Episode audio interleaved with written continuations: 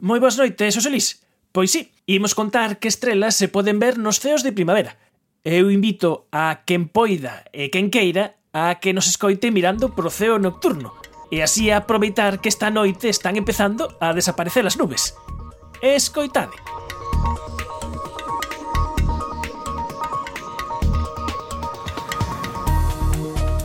Moi boas noites, un saúdo de Viviana García Viso, Xavier Pérez Couto, César Goldi e Manuel Vicente. Somos o equipo de Efervesciencia. Para calquera problema complexo existe unha solución que é evidente, simple e incorrecta. Isto é do xornalista Henry Lois Mencken. Mencken cubriu en 1925 o suizo de Scoops contra o estado de Tennessee. John Scoops era un profesor de secundaria que foi acusado de ensinar a evolución nas clases e, polo tanto, negar a divina creación. O Macken fixo unha reportaxe satírica sobre este suizo que alcumou como o suizo do mono que foi o nome que quedou para a historia deste esperpento.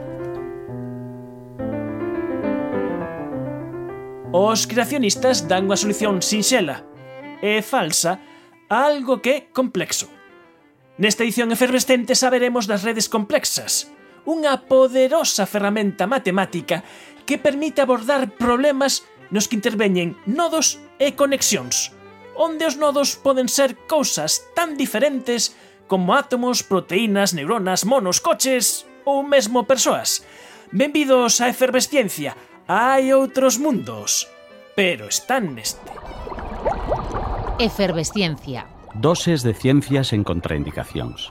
Patrocinado pola FECIT, Fundación Española para a Ciencia e a Tecnoloxía. Ministerio de Ciencia e Innovación. Unha colaboración da Universidade de Santiago e a Radio Galega co apoio da Axencia Galega de Innovación da Xunta de Galicia. En Galicia consumimos de media 125 litros de auga ao día por persoa. Auga que chega ás nosas casas preparada para que podamos consumila. Un luxo do que non somos moi conscientes, iso de abrir unha villa e que saia auga potable. Pero xa, que saia auga quente é case máxico. Pero como moitas veces neste programa dicimos, non é maxia, é ciencia. Ciencia para andar por casa. Ciencia para andar por casa. Ciencia. Ciencia para andar por casa. Ciencia. Viviana García Visos, moi boas noites. Boas noites, Manuel, que tal? Moi ben, xa tocaba contar algún segredo escondido nas nosas casas. Sí, a verdade é que sí que levamos un tempo de sendar un, un paseo polas, polas nosas vivendas. E, ademais de que pareza maxia, como cantamos no Nadal, hoy las ciencias adelantan, que es una barbaridad. E como sexa que non son moi boa eu cantando, o que quero dicir é que hoxe en día eh, non só temos unha maneira de quentar a auga, senón que temos eh, varias, non? A auga que chega ás nosas casas, que está fría, salvo que vivamos en lugares, pois por exemplo, como Islandia, que teñen unha actividade pois eh, xeotermal moi importante, pois a auga que chega a nosas casas, aínda que potable, é fría. Entón, Entón, unha vez que está aquí, eh, aquentamos, o que se soe chamar auga quente sanitaria. E para que aquentamos? Pois para, como sabe todo o mundo, a higiene corporal, a calefacción, a limpeza, estas cousas que, que todos facemos no noso, no niso día a día. Eh, e para quentala, por empezar por algunha parte, pois contamos con tres tipos de aparellos, non? os que se chaman instantáneos, os que se chaman de acumulación e logo hai un intermedio que se chama mixto. Escoller o xeito adecuado é moi, moi importante, porque este dato é interesante, que en tal auga sanitaria supón ao redor dun cuarto do consumo enerxético dunha vivenda, o 25%. E nada, se temos en conta como está o prezo da enerxía estes días, como para non ollar con moita calma, moito detalle, como quentamos a auga nas nosas casas. Sí, a verdade é que sí que esta cousa como para pensar ben calquera gasto enerxético que facemos nas, nas, nosas, nas nosas casas. Así, bueno, pois a ver se podemos axudar un pouco a xente mm, eh, revisando un pouco as, as opcións que temos para para quentar a auga e ao mellor algún ten que pensar eh, en modificar un pouco as súas, as súas costumes ou o, a, o sistema que ten, non? Por exemplo, falábamos de instantáneos duns deles instantáneos de acumulación e, e mixtos, pois os, insta, os instantáneos son os que quentan só no momento o que se precisa ao gat quente, son os quentadores de, de toda a vida que penso que todos eh, tivemos nalgún momento. Tamén hai aparellos de que, que quentan auga de forma instantánea como son a lavadora ou o lavalouzas, que obviamente, obviamente o fan no momento en que funcionan. Que pasa con este tipo de aparellos? Pois que teñen un custo enerxético máis reducido que os acumuladores, pero claro, son só aconsellables en vivendas con poucos habitantes eh, eh e onde pois non, non, of, non se haxa moi frecuente o uso de auga quente. Ou seja, que non se duche moito. Por exemplo. bueno, por exemplo, por exemplo, eu estaba pensando agora que, que así o sistema instantáneo máis increíble que, eh, que vin foi unha vez en Dublín, que xa se sabe que por o norte penso eu que doitan a, a, a ducharse menos, que o quentador estaba entre a rosca de abrir a auga e a alcachofa, non? Aí no, na metade do, do espazo tiña como unha especie de quentador pequeniño eléctrico e a verdade que daba bastante medo porque entre a electricidade e a auga dicías ti, pero a ver como vou sair eu daqui. Un invento, sí, sí, sí, da, da, xa, xa teño así na miña no meu masín e, home, a ventaxa que tiña ese sistema e que non tiña perdas por transporte de auga quente, no, eh, en ese caso non as tiña, as, as minimizaba. Non, a verdade que non, pero de verdade, eu as cousas que vi eso, en países máis polo norte, algunhas son para eso, para sacar unha foto como mínimo. Eh, máis sistemas, eh, falábamos dos instantáneos, e despois están tamén os de acumulación, que son as caldeiras ou os termos, según, sexan de gas ou de electricidade. Eh, neste caso, como, como todo mundo sabe, a auga quente mantense nun depósito para que poida utilizarse en calquera momento é recomendable cando o uso da auga quente vai ser máis elevado e frecuente que, que no caso que víamos antes. Uh -huh. Pero tamén ten as súas desventaxas. Eh, ten que se gasta máis enerxía e se necesita máis espacio para colocar eh, este sitio no que se acumula a auga.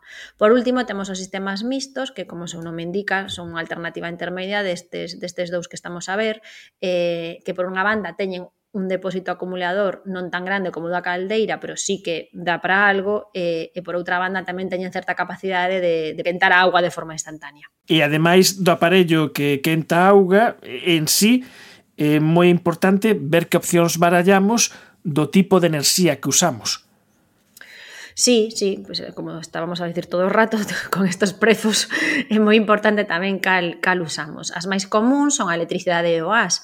O gas eh, o máis común hoxe en día é o gas natural, pero seguro que todos tamén nos lembramos das bombonas de propano ou de butano que, que había nas casas dos nosos pais ou dos nosos avós. Eh, e, bueno, por exemplo, entre o propano e o butano, o que hai unha diferencia de poder calorífico, o propano ten máis, é dicir que en menos tempo e gastando menos combustible prodúcese máis calor. O gas natural, por a súa banda, é unha sustancia de orixe fósil que traemos tamén como estamos vendo destes, sitio, destes días de sitios eh, alonxados.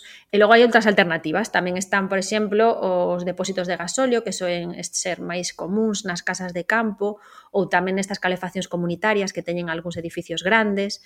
E como enerxías alternativas, que sería bastante interesante estudar agora mesmo, pois temos os panis solares, cos que tamén é posible quentar certa cantidade de auga, e tamén a biomasa, que están bastante de moda agora os coñecidos pellets.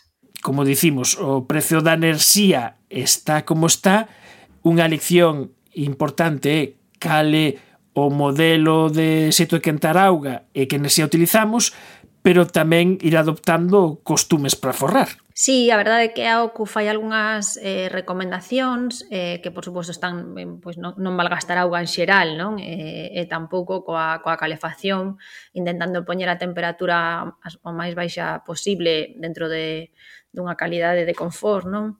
Tamén é importante que a que a auga que saia polo, o sea, da caldeira, do termo, do que sexa que temos para quentar a auga, pois sexa razoable, que eu penso que moitas veces non nos fixamos nisto, non? Pero ao mellor temos unha saída de auga moi quente eh, para que despois usamos e tamén hai que ter en conta se estamos, por exemplo, en verán ou en inverno.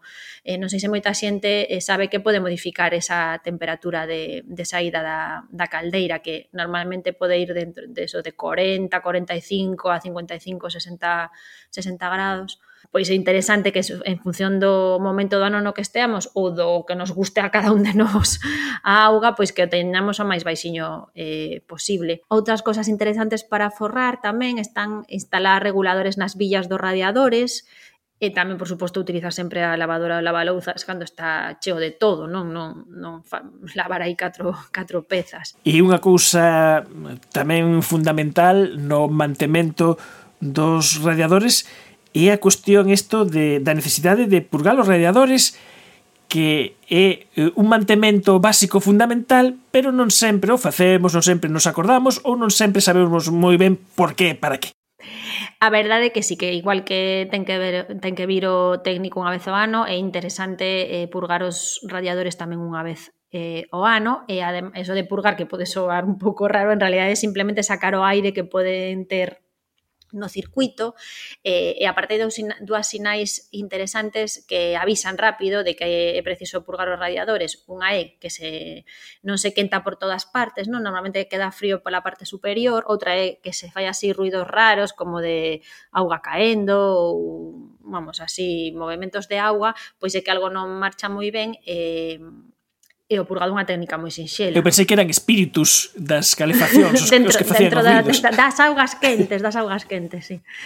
Eh, eso, o purgado é unha técnica moi sinxela. Hai que, eso sí, hai que ter apagado o sistema de calefacción nese momento, que hai veces que eso que non nos podemos dar conta, pero ten que estar apagado. E unha vez que está apagado, eh, simplemente eh, eh hai que abrir esa espita que ten cun eh, parafuso para que saia o aire eh, cando empezas a ir a agua de forma continua, significa que o aire xa saíu de todo e que liberamos o sistema de, dese aire que impedía que se quentase ben todo dunha maneira constante. É importante tamén facelo dende o que está máis preto da caldeira e logo seguir avanzando non? no sentido do, do fluxo da, da auga e, eh, bueno, para que non mollar todo por aí, pois coller unha especie de taza ou recipiente que permita recoller o agua que, que queda.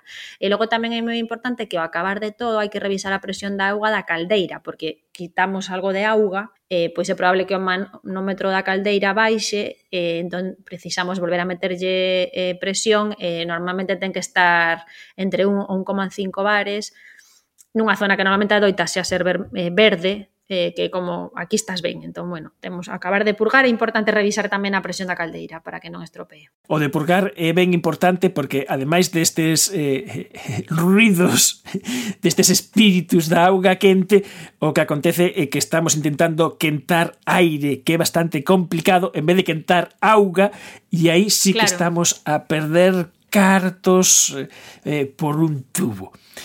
E, e quizáis a última tecnoloxía que a min eh, me fascina da cuestión da auga. Quente son?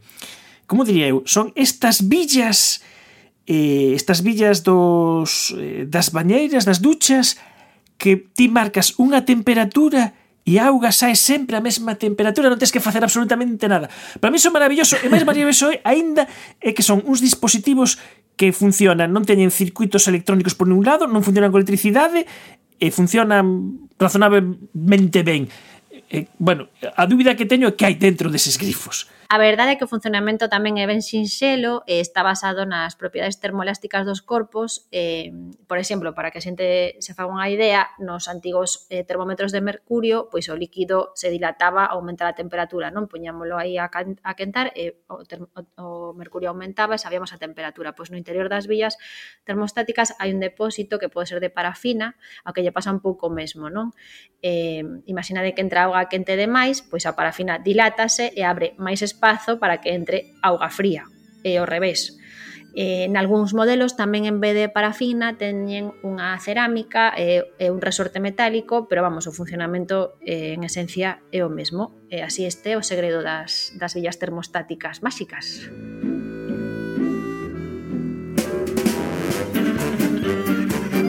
Cantas cousas aprendemos na casa de Viviana García Visos.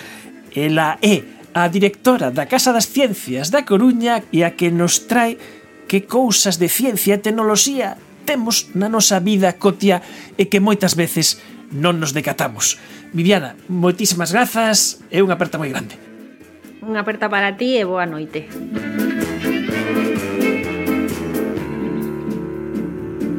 A Ciencia, na Radio Galega.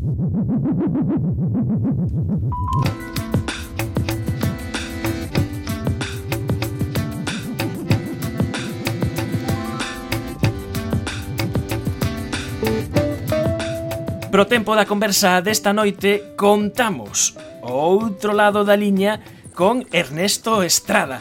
Ernesto Estrada é profesor de investigación no IFISC, o Instituto de Física Interdisciplinar e Sistemas Complexos do CSIC, Universidade de Silles Baleares. Moi boas noites, Ernesto. Ola, moi boas noites. Boas noites, Galicia. Xa parece o galloso, non? Eh, pois casi, sí. Bueno, Ernesto, ti es cubano, español, pero tamén algo galego, non? Ese galego donde ven. Sí, eu son, bueno, a segunda nacionalidade é galega, porque eu estou eh, registrado en Galicia e eh, a miña moza, a miña muller é, é galega, de Arzúa. E, e, e dai ese, ese galego que, que, bueno, ahora que estás nas, eh, nas Illes Baleares, ahora creo que tamén queres aprender mallorquín. Sí, sí, sí, sí. É eh, moi necesario falar o mallorquín. Eh, vivimos nun pobo e... Eh, para comunicar coa xente importante, sí. Uh -huh.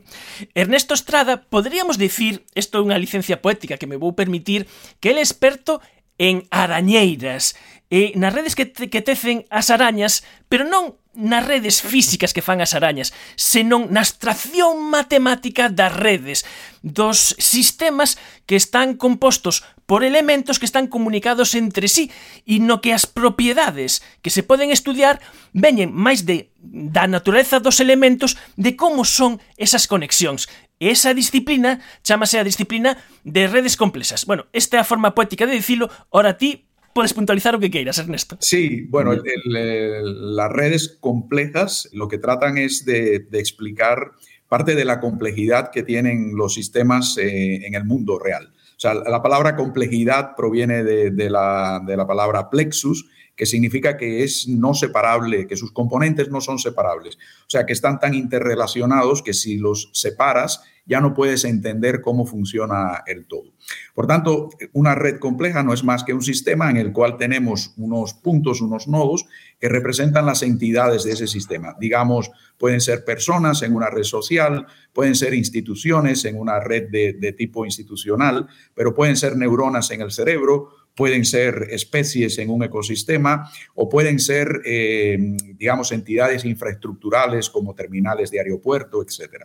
Y el segundo componente, pues, son las conexiones que eh, surgen entre, esos, entre esas entidades. Y esas conexiones, pues evidentemente pueden ser relaciones sociales en una red social, pueden ser relaciones tróficas, quién se come a quién en un ecosistema, o pueden ser incluso cables que conectan eh, ordenadores, como en el caso de, de la Internet, o, digamos, eh, conexiones sinápticas en, en, en, las neuronas del cerebro. ¿Qué tienen todas en común? Pues que su representación matemática nos permite un nivel de abstracción para poderlas estudiar.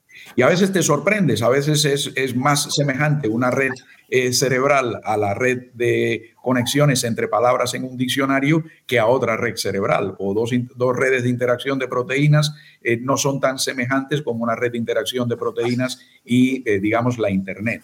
Entonces, a, este nivel de abstracción, fundamentalmente lo que estudiamos es las propiedades que emergen de esas, de esas conexiones. Son propiedades que no pueden ser eh, estudiadas a partir de las entidades individuales del sistema. É un pouco complicado todas esas abstraccións que facedes, pero sí que tedes unhas ferramentas que son como moi visuais, moi gráficas, mesmamente chámanse grafos, que son precisamente eses mapas de relacións, eses mapas de estradas, como di o teu apelido, que relacionan puntos e liñas que se unen, e así, polo menos, visualmente podemos facernos unha idea un tanto intuitiva de cómo poden ser estas redes. Exactamente. Eh, los grafos, que es el, es el nombre, digamos, en la, en la jerga matemática que reciben estas redes, pues no es más que una representación, digamos, bastante simplificada de- del sistema, ¿no? En el cual tenemos esos puntos y esas uniones. A partir de ese grafo, lo que hacemos es utilizar técnicas de, perdón, técnicas de álgebra para representarlos ya en una forma todavía más abstracta y poder generar a partir de allí números que, que nos indiquen qué cosas son las que tienen que ver con, con estas conexiones y con estos nodos. ¿no?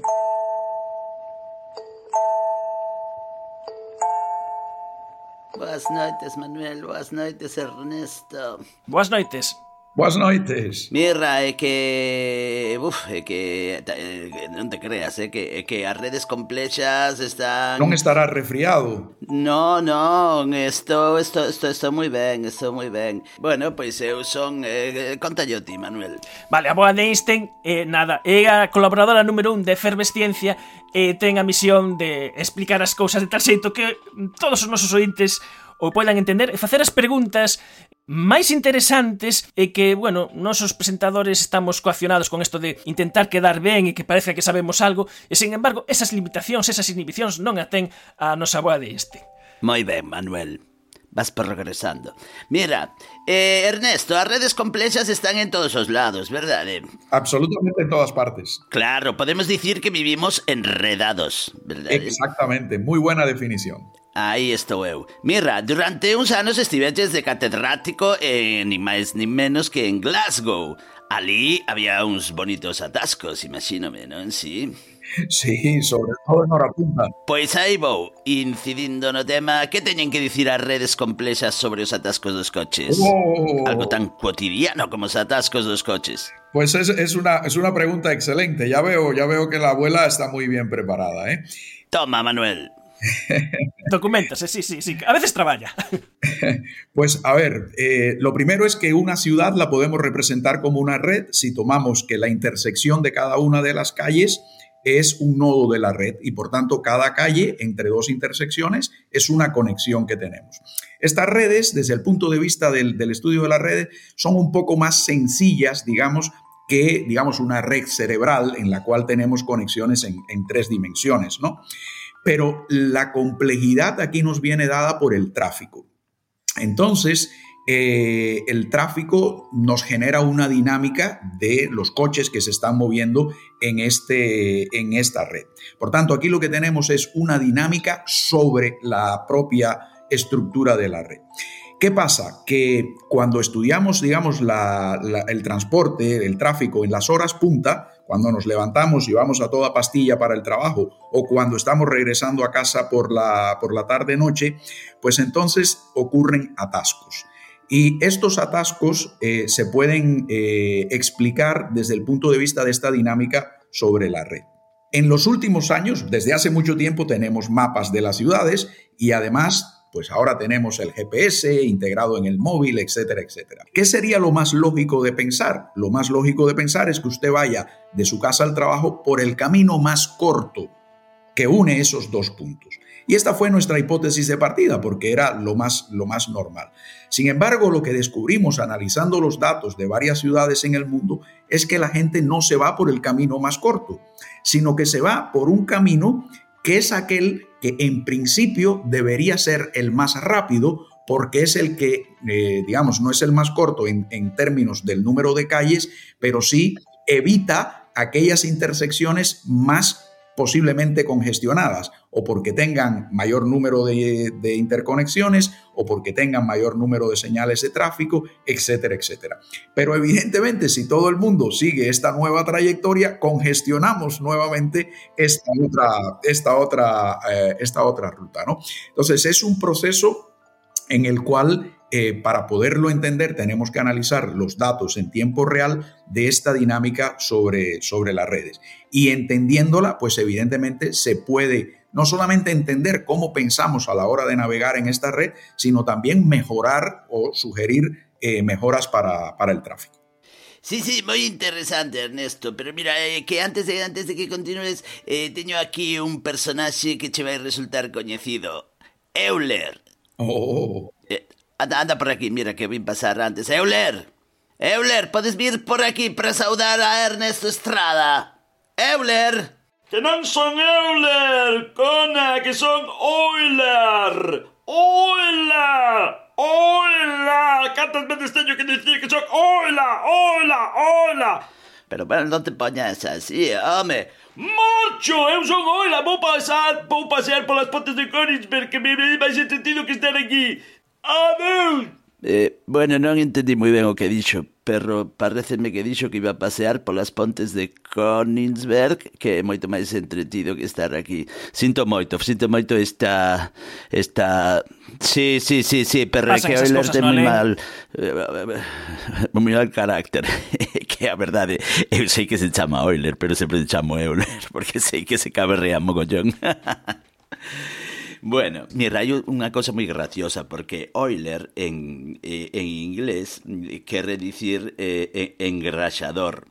Entón, cando nos queremos meter con el, recordamos de un poemiña que, que hai en unha revista de matemáticas. O poemiña non ten graza, eh, vou non recitar, pero, pero vamos, no, a, a mí non me fai ninguna graza, pero a el mos, a el mosquealle... A ver, a ver, a ver. Mirra, Eh, so, sí, so, deben ser chistes internos de, de, destes estudiantes super aventaxados que, bueno, xa sabes, ti que entrevistas a moitos científicos, Manuel, sabes, non é o caso de Ernesto, pero, bueno, que teñen un sentido do humor regular, non? Mira, Euler desgraxador berra o estudante cando ten fricción con pi e con i. Eu non o entendo este. Non sei onde está o chiste, a ver. Mestre Euler, olla ben, resolve o problema, inventa E.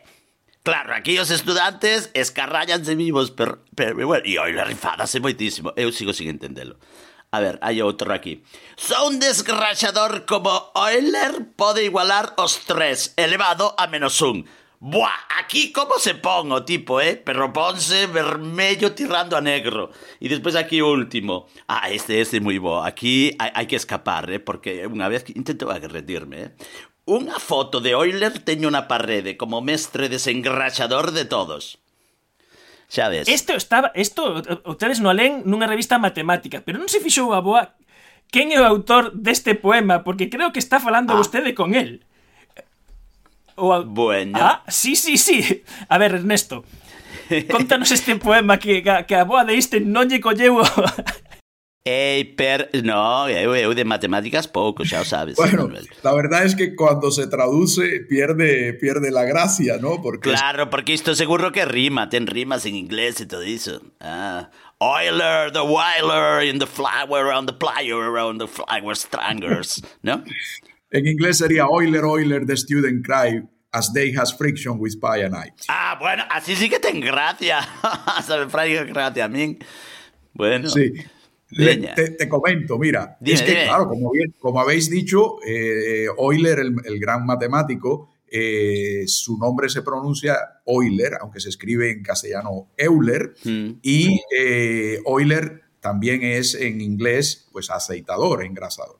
Pues resulta que un alumno que, que- de los que yo daba clases en, en Glasgow parece que era un poco despistado y eh, cuando resolvió el problema en un, en un examen sacó una flechita para congraciarse con el profesor, que en este caso era yo, y puso que lo había resuelto utilizando el método de Euler, pero no de Euler el matemático, sino de Euler el aceitador. Entonces,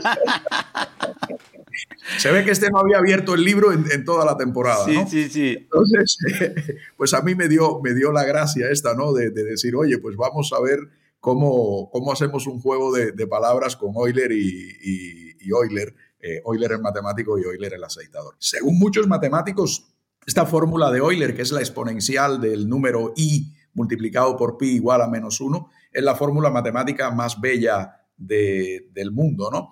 Y la, y la belleza, la belleza está en, en muchas cosas. Bueno, ahí hay dos de las constantes matemáticas más importantes, que es el número de Euler E y el número pi, que todos, que todos conocemos, y, eh, y están enlazados por la raíz de menos uno, que es algo todavía eh, más raro, es un número imaginario. Y lo interesante, claro, lo interesante es que estos números, E, por ejemplo, es un número que, que, que no lo podemos nunca terminar de escribir. No hay ningún patrón que se repita en él, igual que pi. O sea, usted puede recitar 200 millones de, de, dígitos de pi y todavía no ha terminado porque es infinito y no tiene ningún patrón de repetición. Sin embargo, cuando los combina de esta manera, pues da un número que es exacto, menos uno. Entonces es como, wow, es algo bastante sorprendente. Sí, sí, sí, sí, sí. Cando volva a ler o poema yo canten e yo canten a Euler, pois agora mellor xa... De, xa despois por privado pídolle a traducción ao inglés a, a Ernesto. Sí.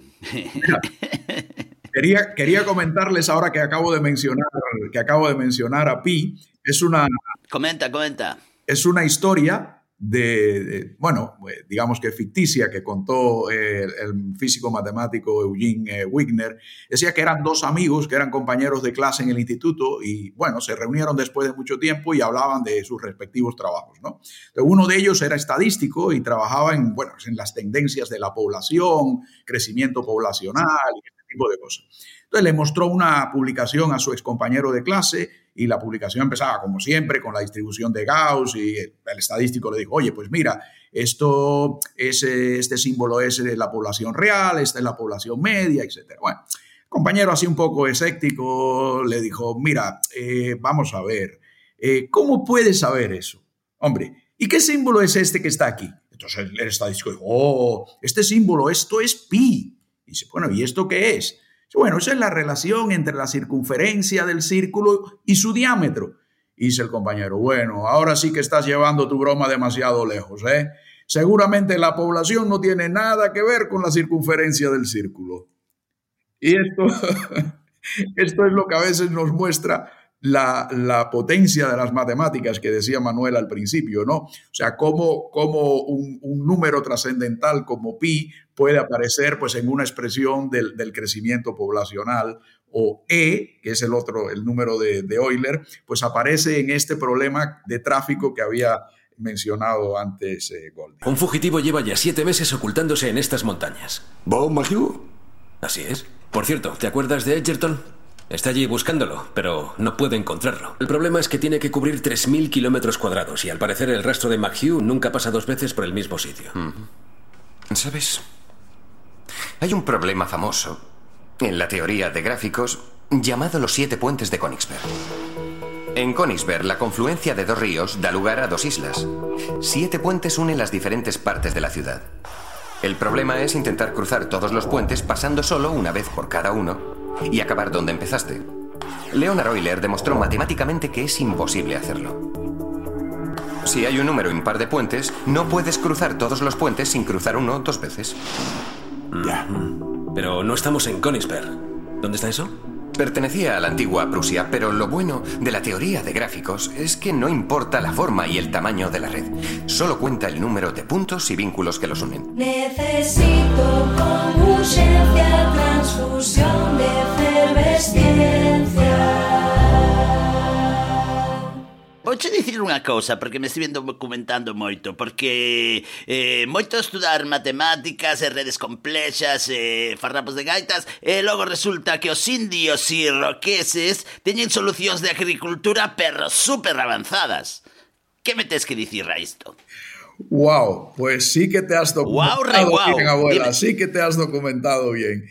Pues sí, pues estos indios, que eran los, que, los antiguos habitantes de lo que vendría siendo hoy la, la región de New York y, Nueva Jersey en Estados Unidos, eh, pues cultivaban eh, no un, monocultivo, sino que combinaban, so, cultivaban eh, un tipo de habas, el maíz, y un tipo de, calabaza. ¿Y por qué lo hacían de esta manera? Bueno, ellos habían aprendido de que eh, cuando combinaban estos tres cultivos, pues los predadores de uno de los, de los cultivos, los insectos que, que se comían a uno de los, de los cultivos, era repelido por el otro cultivo. Y así, formando este triángulo de eh, repulsión entre los cultivos, lograban que ninguno de los tres fuese dañado por el, por el, por el predador natural de los mismos, ¿no? Entonces, hace ya unos, unos, eh, unos añitos yo me, me interesé por esto eh, desde el punto de vista matemático. Esto eh, en, en- en la literatura de, de agricultura tiene, tiene un nombre y es como una especie de entrecruzamiento de, de plantas, ¿no? Intercropping en, el, en el lenguaje en inglés.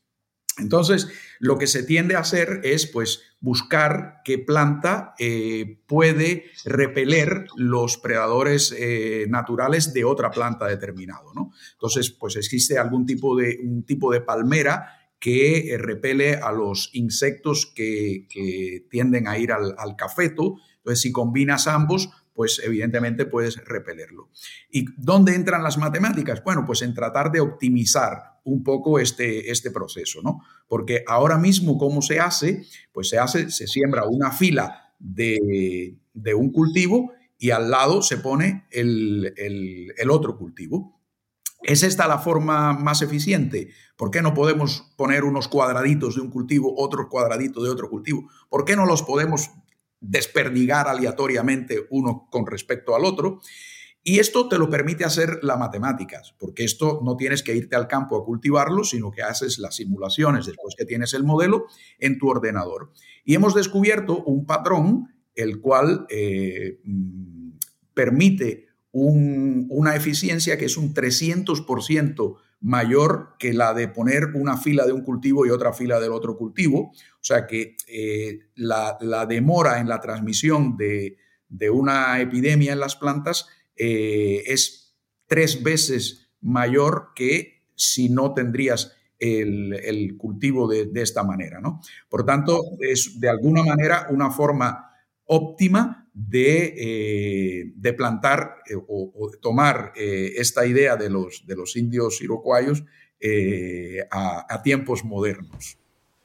Mira, e tamén, e tamén estiven investigando eh, no, na, tua, na tua árbore genealóxica e cheguei a tua, a tua sogra Consuelo, que ela sabía de redes complexas na horta que a ti, a que sí? A que mucho, eh, no solo en la huerta, sino en la fábrica de quesos, en la combinación de ingredientes para, para hacer la mejor tortilla Toma. de patatas y el asado mejor del mundo. Pero en el caso de la huerta, cuando yo terminé este, este artículo, resulta que eh, en la familia siempre se le había criticado que ella pues combinaba cosas, pues no, no era entrecomillado, organizada, pues ponía habas y maíz al mismo tiempo y cosas de esta. Y yo al haber investigado esto, pues me doy cuenta, pues ella lo que está haciendo es intuitivamente este entrecruzamiento de especies para que no tenga eh, la, la llamada plaga, ¿no? Entonces, se lo he comentado y le digo, a ver, Consuelo, ¿por qué haces este tipo de cosa eh, así? Dice, bueno, pues para que no venga la plaga. ¿Y, por, ¿Y qué sería mejor? ¿Poner esto pues en una forma cuadrada o en una forma rectangular? Pues rectangular, hombre. Digo, caray, pues esto me ha llevado a mí tres meses de investigación llegar a esta conclusión y mira tú qué bien lo sabías. Entonces, he terminado dedicándole este artículo a, a, Consuelo porque ella realmente lleva 60 años utilizando el entrecruzamiento de, de especies para, para, el cultivo de plantas. Esa asociación de cultivos que xa sabía facer a, a tua sogra, eh, non debe haber moitos papers dedicados a, a sogra de, de un, non? creo que no, creo que no. Vale, pois Ernesto, encantadísima de, de, de falar contigo. E gustame moito esa reivindicación que faz das sogras ese, ese, ese, Que sempre se están metendo con elas e son do máis sabio que, que, que hai no mundo. Eh, Bueno, eu teño agora unha rede moi complexa na cociña tamén. Estou facendo unha ensaladilla, flipa. Eh, A ver, a ver que tal A ver que tal, vou aplicar algún algoritmo. Pois pues boa algo... sorte. Sí, vale, tes algo que recomendarme para ensaladilla? Ah, pues mira, hay, hay un estudio. Hay un bueno, estudio, eres, eres Amonda, ¿eh? A ver, conta, conta. pues hay un estudio de redes complejas que interrelaciona los diferentes eh, componentes que dan sabor y olor a los alimentos entre sí. Por tanto, hay los, los, nodos de la red serían los alimentos utilizados en la cocina occidental o u oriental. Sí, sí, sí. Todos ellos están conectados si comparten saborizantes o edulcorantes eh, naturales, ¿no? Entonces, utilizando esta red puedes descubrir qué mejor combinación o incluso marinaje de, de vino con determinado tipo de alimento, etcétera, etcétera. Interesantísimo, interesantísimo. Estivemos a conversar con Ernesto Estrada, que é profesor de investigación no IFISIC, o Instituto de Física Interdisciplinar e Sistemas Complexos da Universidade das Illes Baleares e do CSIC. Ernesto, foi todo un placer poder conversar contigo Pasaron 15 anos da primeira vez que falamos, seguro que agora non han pasar outros 15 anos porque queremos que nos contes máis cousas destes sistemas porque é un tema fascinante. Pues ojalá que así sea, porque me ha encantado estar con, con vosotros, he disfrutado muchísimo del, del programa, creo que sois súper originales y ya desde hace 15 años en que, en que participé eh, me quedé enganchado a, a vuestra forma de, de divulgar la ciencia creo que sois imprescindibles y la verdad es que le doy las gracias en nombre de todos, tanto los que hacemos como los que recibimos eh, ciencia. Boas noites. Adeus, adeus, adeus, adeus. ¡Oiler! Voume meter un pouco con él. Veña, chao, chao. ¡Oiler! ¡Oiler! Qué compleja es la vida.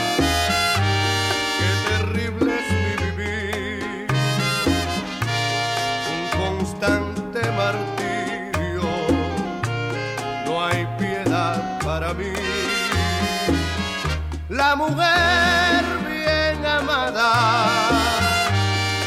me la llevó y un constante martirio es. Ferme txuku, boa txamente, guaboa deixen, do Manuel Vicente. Coa chegada da primavera abrimos a nosa...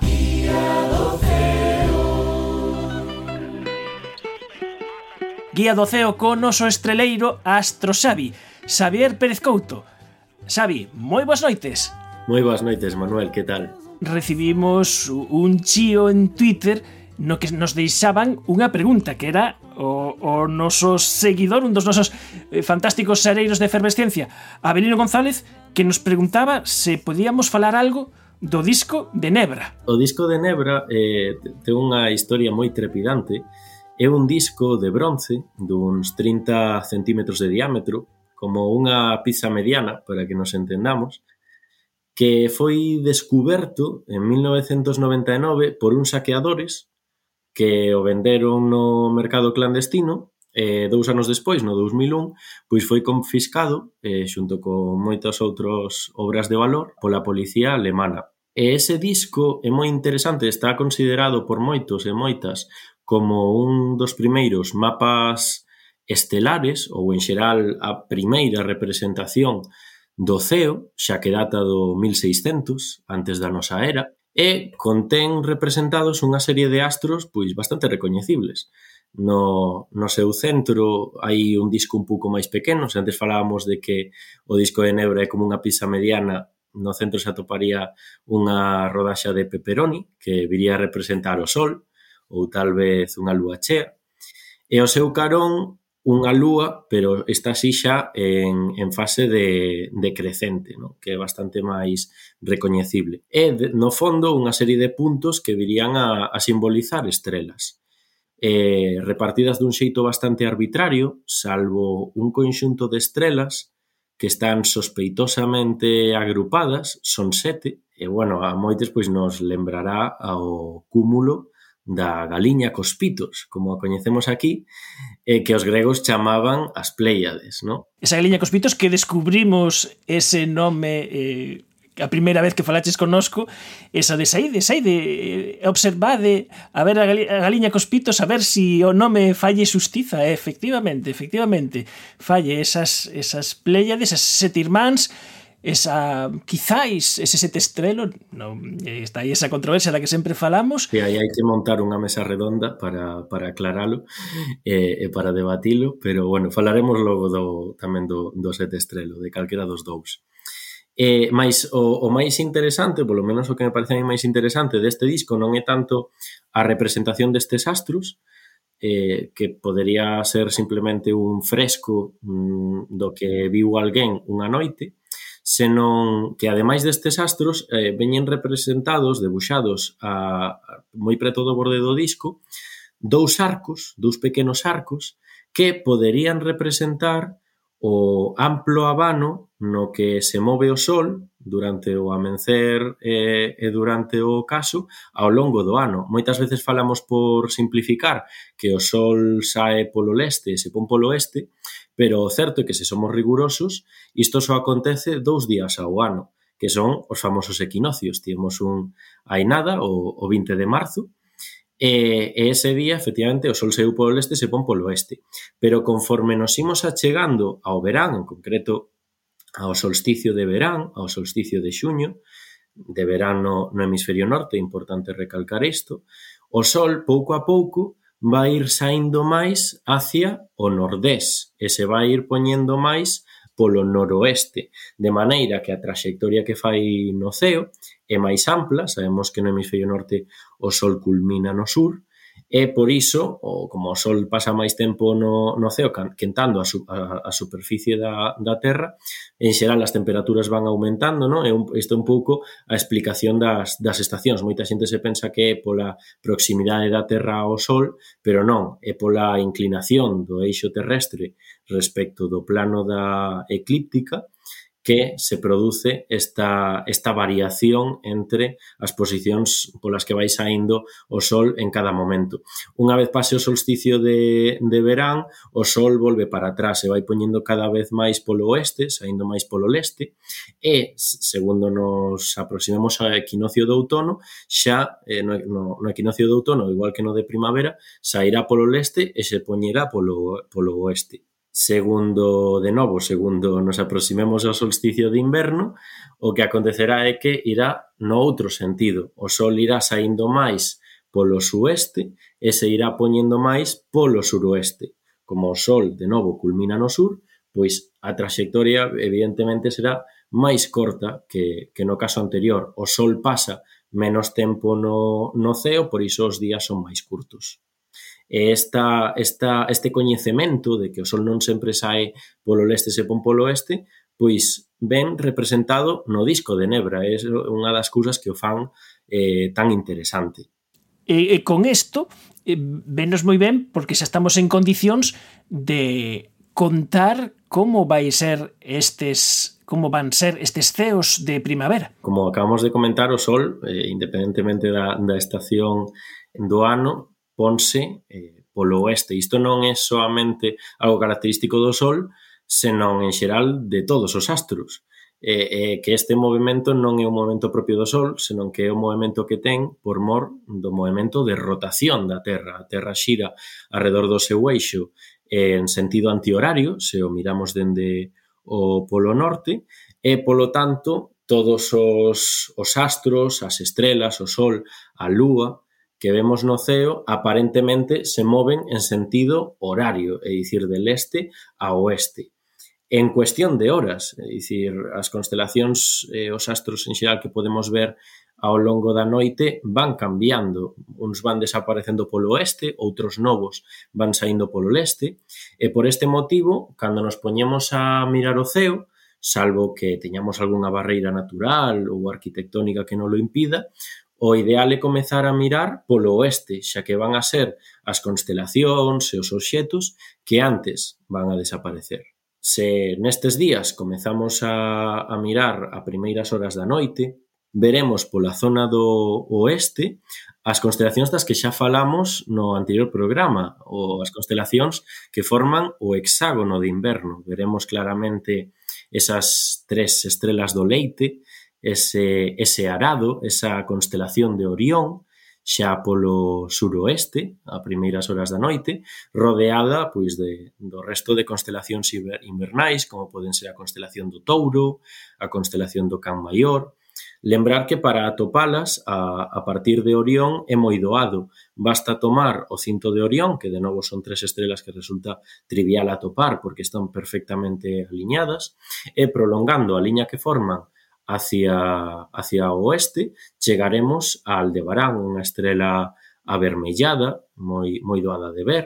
Se esa liña a proseguimos, chegamos a esa galiña cos pitos, ese candidato a sete estrelo do que falábamos antes, mais agora esa liña a levamos hacia abaixo, hacia o sur, chegaremos á estrela máis brillante do ceo, a Sirio, do Can Maior E empregando estas regras xeométricas podemos eh, identificar moitas outras constelacións eh, típicas do, do hexágono de inverno. Por exemplo, se collemos a Betelgeuse, que representa o ombro dereito de Orión, e a Bellatrix, o seu ombro esquerdo, tomamos a liña que forman e a levamos hacia a esquerda, chegaremos a Proción, que é a estrela máis brillante do Can Menor.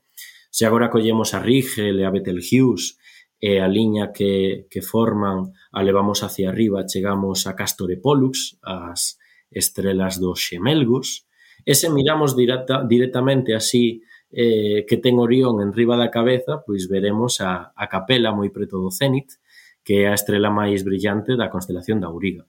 Se estas estrelas, as máis brillantes de cada constelación, as unimos, formamos un hexágono, que é o que chamamos o hexágono de inverno. E vos diredes, pero non estamos en inverno, entón como é que o podemos ver? Pois como dixemos, aí está, aí está. Pois como dixemos antes, o, o ceo vai cambiando moi progresivamente. Entón cando facemos referencia a que unha constelación é unha constelación do inverno, da primavera ou do verán, simplemente queremos dicir que se atopa normalmente sobre a medianoite, moi alta no ceo, pero iso non significa que non se poida ver noutra estación, simplemente se atopará máis baixa. Agora, como entra a primavera, Esas constelacións típicas do, do inverno pois xa se atopan moi preto do horizonte polo oeste, a piques de poñerse. De feito, en canto pasen unhas horas, entremos, da, entremos na madrugada, xa non se poderán ver. E do mesmo xeito, segundo pasen os días, avance a primavera e se aproxime o verán, esas constelacións do inverno xa non as poderemos ver eh, a primeiras horas da noite. Estas son os, eh, digamos que son os veteranos que nos quedan do inverno e que podemos ver a primeiras horas eh, da noite. E cales son, seguindo mirando o ceo, que cousas novas sí que van a aparecer agora? Pois bueno, se estábamos vendo o oeste para ver as primeiras constelacións que van desaparecer eh, Eduardo anticipar que se queremos ver as estrelas que, que van a protagonizar o ceo de inverno debemos de mirar eh, hacia o leste. E aí veremos unha serie de estrelas bastante brillantes, de novo a primeiras horas da noite, eh, como aínda está comezando a primavera, pois sobre todo ao longo da noite irán aparecendo por aí unha serie de estrelas moi brillantes, en concreto tres, que forman o asterismo que chamamos triángulo de primavera. Aproveito para marcar a diferenza entre asterismo e constelación. Un asterismo é calquera figura que nos, nos poidamos eh, fabricar na nosa cabeza e que poidamos representar un, unindo liñas entre estrelas no ceo, por exemplo, o hexágono de inverno. Constelación son asterismos que están recoñecidas oficialmente, normalmente pola Unión Astronómica Internacional, como por exemplo Orión, o Touro, eh, os Xemelgos, etc. Este triángulo de primavera é un asterismo, non é unha constelación, pero per permite atopar e identificar doadamente tres constelacións, que son as tres constelacións, digamos, máis canónicas da primavera, que son, por unha banda, Arturo, do Boieiro, Espica, da constelación da Virxe, e Régulo, da constelación do León. E como podemos atopala, atopar estas estrelas, estas constelacións, seguindo regras xeométricas como as que empregamos para o hexágono de inverno con Orión, Pois aquí, eh, de novo, volve a entrar en escena un asterismo eh, máis que coñecido, que é o asterismo do carro, que, que coñecemos moitos máis que máis que para identificar as constelacións de primavera para atopar o norte. Este asterismo está formado por por sete estrelas moi brillantes eh, forma parte da, dunha constelación un pouco máis grande que a da constelación da Osa Maior que inclúe unhas estrelas un pouco máis febles pero o carro en sí está formado por sete estrelas moi brillantes que tal e como se pode anticipar pois teñen forma de carro un carro cunha caixa e un cabezallo que onde irían os cabalos mas este, esta denominación a de carro é unha denominación que nos empregamos aquí en Galicia. Noutras culturas eh, tiña outros nomes Por exemplo, tamén é un carro, pois na cultura estelar romanesa ou na nórdica, mais os britóns e os irlandeses o chamaban o arado, os chineses, eh, para os chineses era un cullerón, como que usamos para tomar a sopa, no? eh, que é bastante común que, a pesar de que hai diferentes constelacións en diferentes culturas, pois que esas constelacións estén formadas por estrelas diferentes, porque nós en Orión vemos unha cafetera italiana, no? pero pero outra xente pois o mellor vía aí pois unha batalla, unha muller con kimono, como no caso da cultura estelar xaponesa, mas é curioso que no caso do carro son sete estrelas que sempre se, se ven en conxunto. Eu personalmente o carro costame ver, eu para min é máis fácil ver o ver o cazo eh, para min é máis sinxelo, aínda que tamén depende de como estea orientado, porque a veces está orientado para baixo ou tamén está orientado sí, para arriba, eh, claro. o cazo de feito creo que, que é como chaman en, en Francia, así que eh, non estás para nada ah, mira, para nada equivocado. Eu, aínda que o chamo o carro moitas veces para falar del, pois no canto de falar do cabezaio falo do mango, porque é un pouco tamén máis asociado, non? E, e, e o carro, como falábamos antes, pois serve para atopar o norte. De feito, non é sorpresa que a algo que se atopa no norte o chamemos setentrional, precisamente porque provén de septentriones, que son estas sete, sete estrelas. E que se nos fixamos na parte traseira do carro, onde iría a caixa, en concreto na tapa da caixa onde se metería a palla ou as cousas que queiramos portar nel. Esa, eh, esa tapa está formada por, por dúas estrelas moi brillantes, Merak e Dube, e se tomamos a liña que forman esas dúas estrelas e a prolongamos hacia eh, arriba, entendendo por arriba eh, pois o sistema de referencia que establecería o carro se estivese como de pé, no? Dicir, hacia, hacia arriba do carro, e, e prolongamos ese segmento cinco veces, chegamos á estrela polar que nos indica o norte. Por iso é tan coñecido. A estrela polar non é unha estrela especialmente brillante, mas as sete estrelas do carro sí. E como as estrelas entre sí están, en termos aparentes, en escala humana, fixas, pois o carro sempre nos vai a permitir atopar a estrela polar mas non únicamente a estrela polar. Agora estamos falando das, estrela, das constelacións de primavera, e eh, que o carro é unha ferramenta tamén fantástica para atopar estas constelacións de primavera.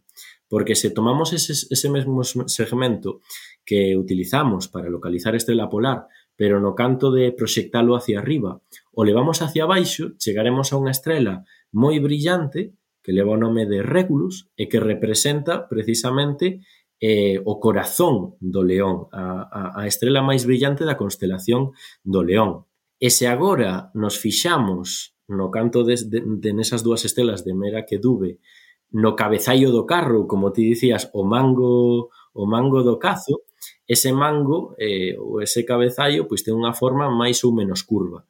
Se seguimos esa curvatura, eh, no canto de agora tomar liñas rectas, seguimos un pouco esa forma en curva, chegaremos primeiro a unha estrela que é Arturus ou Arturo, a estrela máis brillante do, do Boieiro, E se seguimos esa traxectoria un pouquiño máis, unha especie como de curva de circunferencia moi grande, chegaremos a Espica, da constelación da Virxe. E esas tres estrelas formadas eh, forman xuntas eh, o triángulo de primavera. Eu já não me sinto só, tão só, tão só, com o universo ao meu se queredes mandar eh, calquera cuestión relacionada co costeos, utilizade o Twitter de Efervesciencia ou tamén o Twitter de Astrosavi e tamén lembrade que podedes ver a canle de Youtube de Astrosavi onde poderedes aprender unha chea de cousas sobre astronomía últimamente moito sobre culturas estelares porque cada cultura ten ollos diferentes para hallar proceo. Eh, Xavi, moitísimas grazas por estar connosco esta noite. Moitas grazas, Manuel. Ata outra. Efervesciencia. Patrocinado pola FECIT, Fundación Española para a Ciencia e a Tecnoloxía, Ministerio de Ciencia e Innovación, unha colaboración da Universidade de Santiago e a Radio Galega. O apoio da Axencia Galega de Innovación da Xunta de Galicia. Ata o vindeiro mércores na Radio Galega. Adeus. Adeus. Baden. Well, it's a marvelous night for a moon dance with the stars up above in your eyes.